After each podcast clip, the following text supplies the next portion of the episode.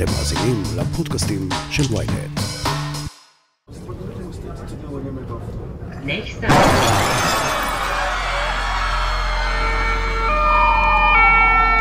Several people are reported dead in an explosion at a metro station in Minsk, the capital of Belarus.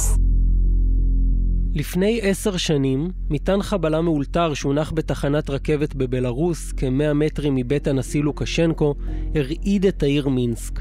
הוא הרג 15 אנשים חפים מפשע ופצע יותר מ-200. המשטרה אמנם עצרה חשודים, ותוך שנה גם הוציאה אותם להורג, אבל ברחובות בלרוס התפשטו שמועות שונות לגמרי.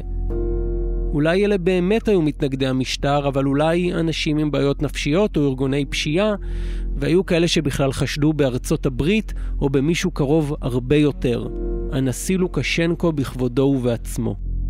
לפי הקונספירציה הזו, הוא רצה להסיח את דעתו של הציבור מהמשבר הכלכלי שאיים למוטט באותם ימים את כלכלת המדינה. השמועות האלה לא צצו משום מקום. הרבה מאוד בלרוסים לא סומכים על לוקשנקו, הרודן האחרון של אירופה, אבל רק מעטים מהם יעזו לומר לכם את זה. כי הם בטוחים שמאזינים להם. כמה ימים אחרי הפיצוץ, בחור בלרוסי נקלע לוויכוח בנושא עם חבר מהעבודה. הוא אמר שהוא מתקשה להאמין שהפיגוע בוצע על ידי מתנגדי המשטר, כי לאדם הממוצע פשוט אין מספיק ידע בכימיה כדי לבנות פצצות כאלה. והחבר ענה לו, מה הבעיה? אפשר למצוא מידע באינטרנט בקלות. למחרת בבוקר, כך סיפר האיש לאנסטסיה אסטפובה, שחוקרת שמועות וקונספירציות, אשתו של אותו חבר העלתה את הנושא בפינת הקפה בעבודה שלה. הבוס הסקרן חיפש מיד באינטרנט איך להכין פצצה, ולא ממש מצא שום דבר מועיל. אז הם צחקו ושכחו מזה. אבל בצהריים, שעות ספורות לאחר מכן, הופיע לפתע במשרד איש במדי צבא. הוא לקח את הבוס הצידה, והוציא מתוך תיקיית קרטון דף עם רשימת האתרים שגלש בהם. בפעם הבאה כדאי שתיזהר, הוא אמר לו. אל תהיה כל כך שובב. היי, אני יובל פלוטקין ואתם מאזינים ל"נא להפיץ" מבית ynet, פודקאסט שעוסק בשמועות, קונספירציות ומה שביניהן. היום נדבר על האזנות סתר, של מדינות אבל לא רק של מדינות. אתם מקשיבים לנו, אבל האם מישהו מקשיב לכם?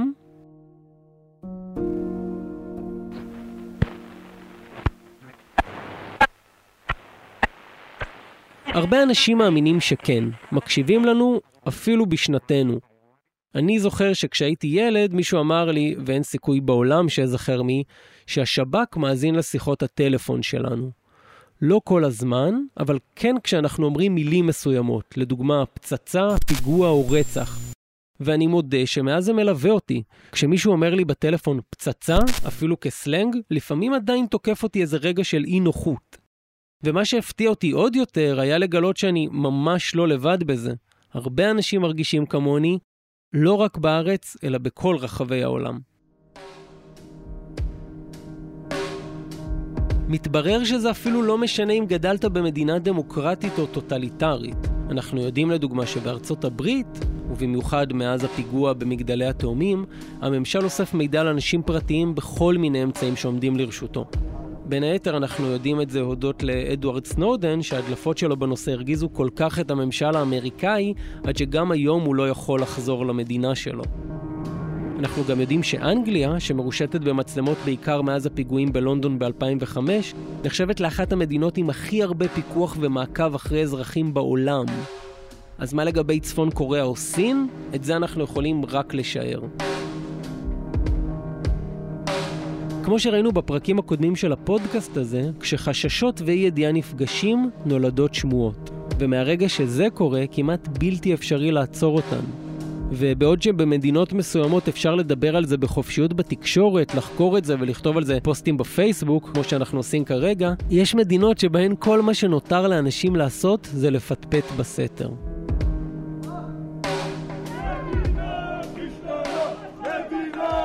לדוגמה בישראל, כשהמדינה רצתה להשתמש בטלפונים שלנו במסגרת המאבק בקורונה, כדי להבין איפה אנחנו מסתובבים ומה אנחנו עושים, נדרשו אישורים מיוחדים. זה דווח בהרחבה בתקשורת ואנשים גם הפגינו נגד זה.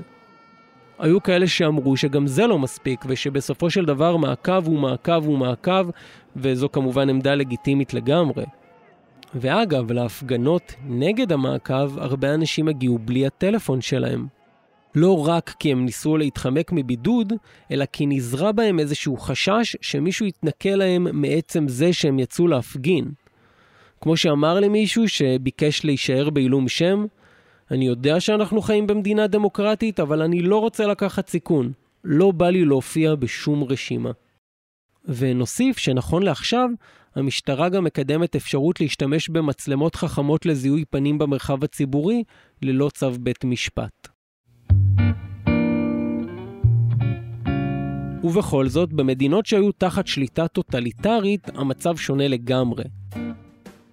גם היום יש כפרים באזור ברית המועצות לשעבר שבהם אנשים עדיין מפחדים לדבר נגד סטלין. הם מאמינים שהוא עדיין מאזין להם. בסין אתם יכולים למתוח ביקורת כלשהי על הקומוניזם, אבל עדיף שתדלגו על השם של מאו, יו"ר המפלגה הקומוניסטית המיתולוגי. ובקובה, כשאנשים רוצים לבקר את השלטון, הם עדיין ישתדלו לא לנקוב בשמו של פידל קסטרו, אלא יגידו הוא או אתם יודעים מי, וזאת למרות שהוא מת כבר חמש שנים. במדינות כאלה אף אחד לא יעדכן אתכם שעוקבים אחריכם או יבקש את האישור שלכם, וגם לא תעזו להקליט על זה שום פרק בפודקאסט. במקום כזה, כל מה שנותר לעשות זה להעלות ספקולציות בחדרי חדרים.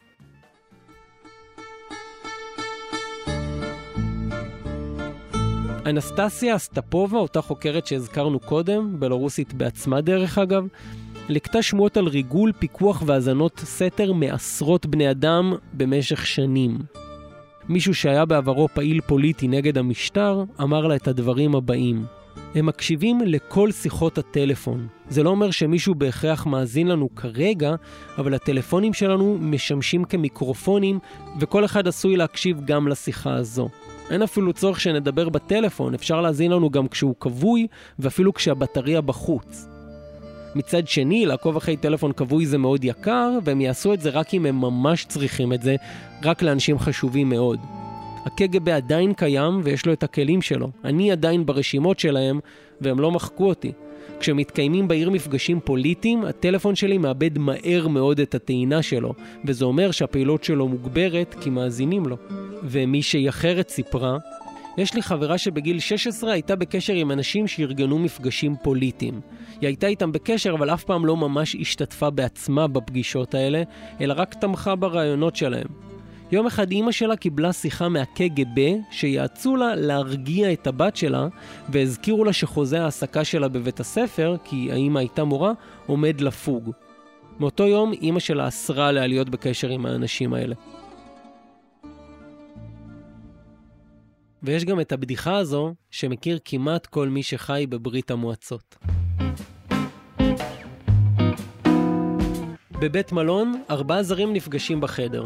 שלושה מהם פותחים בקבוק וודקה, משתכרים ועושים רעש, שרים ומריצים בדיחות פוליטיות. הרביעי מנסה לישון ולא מצליח. לבסוף, בייאוש, הוא מתגנב החוצה, יורד במדרגות ומבקש מהאישה בקבלה להגיש תה לחדר מספר 67 בעוד עשר דקות. ואז הוא חוזר ומצטרף למסיבה. אחרי חמש דקות, הוא רוכן ולוחש למאפרה בנונשלנטיות מוחלטת, המפקד, נשמח לקבל קצת תה לחדר 67 בבקשה. אחרי כמה דקות יש דפיקה בדלת, והאישה מהקבלה מופיעה עם מגש תה. כולם בחדר משתתקים. המסיבה מתה באופן מיידי, והפרחחים הולכים לישון. למחרת בבוקר האיש מתעורר ומגלה שהוא לבד בחדר. הוא טס בהיסטריה במדרגות ושואל את האישה בקבלה לאן השכנים שלו הלכו. אה, הקג"ב עצר אותם, היא עונה לו. אבל מה איתי? הוא שואל בתדהמה. אותך הם החליטו לשחרר, היא אומרת לו. המפקד נקרע מצחוק מהבדיחה עם התה. ברוסית זה יותר מצחיק.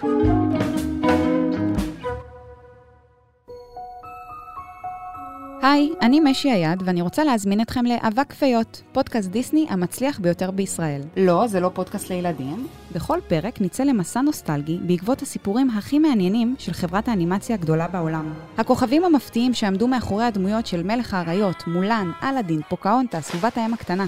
הצד האפל מאחורי סיפורי הנסיכות והאבירים, וגם איך המכשפות הפכו לסמל סקס. חפשו אבק פיות בוויינט או באפליקציית הפודקאסטים האהובה עליכם. מאז ומתמיד אנשים פחדו לדבר נגד המנהיגים שלהם. גם בעת העתיקה, אם המלך היה ידוע כאכזרי במיוחד, היית חושב פעמיים לפני שפלטת משהו ליד השוקת או על גדת הנהר. מישהו תמיד היה עלול להלשין עליך. אבל במידה מסוימת, הפחד מפני ריגול, מכה והאזנות סתר הוא לא פחד מפני הכוח בלבד, אלא גם פחד מפני הטכנולוגיה. כי בין אם אתה חי בלונדון המאפשרת או בצפון קוריאה הדכנית, היום אתה יודע שלמשטר, כל משטר, יש כלים להגיע עד אליך. כולנו מרגישים שאנחנו קצת בתוך האח הגדול, ואני לא מדבר רק על הספר 1984 של ג'ורג' אורוול, אלא גם על הריאליטי. לפי השמועות, אלה לא רק משטרים שמאזינים לנו, אלא גם חברות מסחריות. בחור צעיר, יליד שנות ה-90, נקרא לו ג' בקיצור, מספר את הסיפור המשעשע והמטריד הבא. זה קרה לי בפאב עם חברים, קשקשנו ופתאום עלה איזה נושא מוזר, אלפקות. אף פעם לא גיגלתי או חיפשתי את זה קודם, אבל אחרי רגע התחלתי לראות פרסומות לחוות אלפקות בפיד שלי ברשתות. כשבדקתי עם חברים, גיליתי שכמעט לכל אחד יש סיפור כזה. אנשים מאמינים באופן גורף שהטלפונים שלהם מאזינים להם. פייסבוק, גוגל, אמזון, אפל, סמסונג, כולם חשודים. ולמעשה, כתבי טכנולוגיה מעידים שזו השאלה שהם נשאלים הכי הרבה. האם הטלפון שלי מרגל אחריי? מגישי הפודקאסט המצליח Reply All, שעוסק בעיקר בטכנולוגיה, נדרשו לזה לפני כמה שנים. הם הביאו את סיפורו של בחור שמשוכנע שהוא הצליח לתפוס את פייסבוק על חם בזמן אמת. הוא סיפר שהוא דיבר בטלפון עם אימא שלו, שאמרה לו שבשדה התעופה לקחו ממנה את הבושם האהוב עליה כשהיא טסה לבקר אותו. עוד באותו יום הוא נתקל בפרסומות לבושם הספציפי הזה שהוא מעולם לא חיפש או קנה קודם לכן. המסקנה הייתה מתבקשת, מקשיבים לו. הצוות של הפודקאסט יצא לחקור את הסוגיה וחזר עם כמה מסקנות. ראשית, אימא שלו דווקא כן חיפשה את הבושם פעמים רבות. שנית, הוא ואימא שלו חברים בפייסבוק והאלגוריתם מבין גם שהם קרובי משפחה. שלישית, יום הולדתה של אמו התקרב. ולבסוף, ייתכן שהרשת הסיקה לפי נתוני המיקום של האימא שהיא מגיעה לבקר את הבן שלה. כמובן, כל זה רק השערה שמנסה לשרטט הסבר חלופי, ולא בטוח שהרבה יותר מרגיע. לפי ההסבר הזה, לא מדובר בהאזנה, אלא במערכת מסובכת למדי של איסוף נתונים והסקת מסקנות. אבל כמובן יכול להיות גם הסבר נוסף, שמדובר בסך הכל בצירוף מקרים. אז, האם ענקי הטכנולוגיה מאזינים לנו? פטרישיה סקנלון, מומחית לטכנולוגיה שמתעסקת בדיוק בנושאים האלה, נדרשה לסוגיה הזו בריאיון לאינדיפנדנט. טכנית הם יכולים לעשות את זה, היא אמרה, אבל אני לא חושבת שזה ישתלם להם מבחינה כלכלית. לדבריה, אם פייסבוק היו מקשיבים לנו, זה אומר שכל השיחות היו מועברות לענן, וכשאתה חושב כמה אנשים בעולם משתמשים בפייסבוק, זה כמות לא סבירה של דאטה ושל עיבוד מידע. אבל יש עוד אפשרות. זוכרים שבתחילת הפרק דיברנו על מילות טריגר, כמו למשל פצצה? אז למרות שלא הוכח מעולם באופן רשמי שיש לזה שימוש ביטחוני, יכול בהחלט להיות שיש לזה שימוש מסחרי. למעשה, אנחנו יודעים שלסמארטפונים שלנו יש את הפונקציה הזו. הרי כשאנחנו אומרים, היי סירי, או אלקסה, hey. הטלפון מיד מתעורר ומקדיש לנו את מלוא תשומת הלב. אז אולי יכול להיות שהטלפונים או אפליקציות מסוימות משתמשים בזה גם כשאנחנו אומרים מחשב נייד, או המבורגר, או דירה להשכרה במרכז תל אביב. מצאתי חמש בירות להשכרה במרכז תל אביב. לא בטוח שזה כבר קורה, אבל חוקרים אומרים שהחברות הגדולות מודעות לאפשרות הזאת וגם שוקלות אותה. ולמעשה יש גם טענות שאמזון כבר הגישה פטנט כזה. בדיווחים קודמים, פייסבוק דחתה את הטענות האלה על הסף, ואמרה שהחברה לא משתמשת במיקרופון של הטלפון שלכם כדי לקדם הודעות או כדי להשפיע על מה שאתם רואים בפיד. מצד שני, כולנו מכירים את התמונה המפורסמת של מרק צוקרברג, שבה אפשר לראות בבירור ש masking tape מכסה את המצלמה והמיקרופון של המחשב שלו, אז תסיקו מה שתסיקו. באינדיפנדנט עשו ניסוי. הם לקחו שבעה עיתונאים ונתנו לכל אחד מהם תסריט של שיחה שכולל כמה מילות טריגר. בשביל להימנע מצירופי מקרים מבלבלים, הם ניסו להפתיע את האלגוריתם. גבר שאוהב ספורט למשל, לא ידבר על כדורגל או מכנסי אימון, אלא על תיקי יד לנשים. התוצאות היו מאכזבות למדי. מתוך כל השיחות המתוסרטות, שכללו 40 מילות טריגר שחזרו על עצמן שוב ושוב, רק אחת המשתתפות קיבלה פרסומת למגפיים. וגם במקרה שלה, מסבירים אנשי העיתון, ייתכן שמדובר בסתם צירוף מקרים, כי בדיעבד התברר שהיא עוקבת ברשתות אחרי כל מיני חשבונות שעוסקים בעקיפין באופנה. ב-BBC דיווחו על ניסוי דומה. חוקרים לקחו טלפונים מכמה סוגים והניחו אותם בשני חדרים שונים. אחד שקט לגמרי, ואחד רועש עם קטעי שיחות, נביחות של כלבים ויללות חתולים. התוצאות? לא נרשם שום הבדל נראה לעין בפרסומות שצצו בטלפונים, וגם לא נמדד שינוי משמעותי בצריכת הנתונים הניידים של המכשיר. החוקרים סיכמו שלהבנתם הטלפונים לא מאזינים לנו כל הזמן וגם לא משדרים את המידע לשום מקום, אלא אם הם עושים את זה באופן שהמחקר עוד לא מכיר. ובכל זאת יש לציין שגופי תקשורת אחרים פחות השתכנעו. באתר Spiralytics טוענים שגם אם הטלפונים לא מאזינים לשיחות שלנו, הם כן קולטים מוזיקה, פרסומות וסרטים שמושמעים בסביבתנו, ולומדים מזה משהו עלינו. ב Fox News, גוף תקשורת שידוע במלחמתו ברשתות החברתיות, פרסמו את הכותרת החד משמעית והמאיימת, אתם לא פרנואידים, הטלפון שלכם אכן מקשיב לכם. Remember, when you're using a free online service, you're probably not the customer, you're actually the product. ובפורבס הסתפקו בכותרת התמציתית, ברור שהטלפון שלכם מקשיב לכם.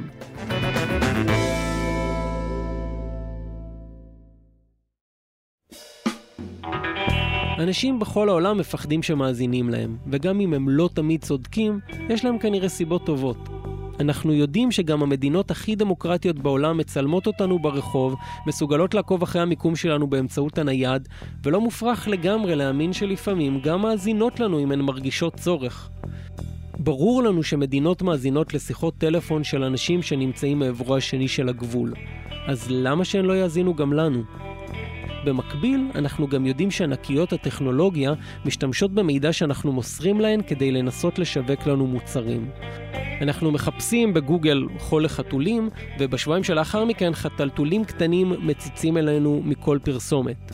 אז כמו שאומר הפתגם הידוע, זה שאנחנו פרנואידים לא מבטיח לנו שלא עוקבים אחרינו.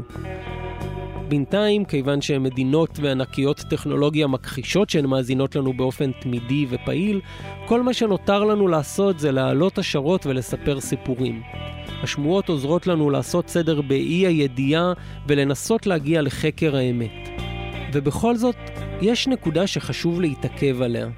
באמצעות השמועות, הסיפורים והבדיחות האלה, אנחנו גם בעצם מזהירים אחד את השני איך כדאי להתנהג ואיך לא. במדינות כמו בלרוס, השמועות האלה עשויות להציל את חייהם של מתנגדי המשטר, ומצד שני הן גם זורות פחד וגורמות לאנשים לחשוב פעמיים לפני שהם פותחים את הפה. בסופו של דבר, אלה לא רק שמועות בשירות האופוזיציה, אלא גם שמועות בשירות הרודן. עד כאן עוד פרק של נא להפיץ. כדי להאזין לפרקים הקודמים וגם הבאים שלנו, עקבו אחרינו בוויינט, ספוטיפיי או בכל אפליקציית פודקאסטים שבא לכם. אנחנו מצידנו מבטיחים לא להאזין לכם חזרה. נשמח מאוד אם תפיצו את הפרק לחברים ולמשפחה בוואטסאפ, טלגרם ואפילו בטנביס. תודה לשחר ברקת ורון טובי על עריכת הפרק, בצוות ערן רחמני ואני יובל פלוטקין. ניפגש בפעם הבאה.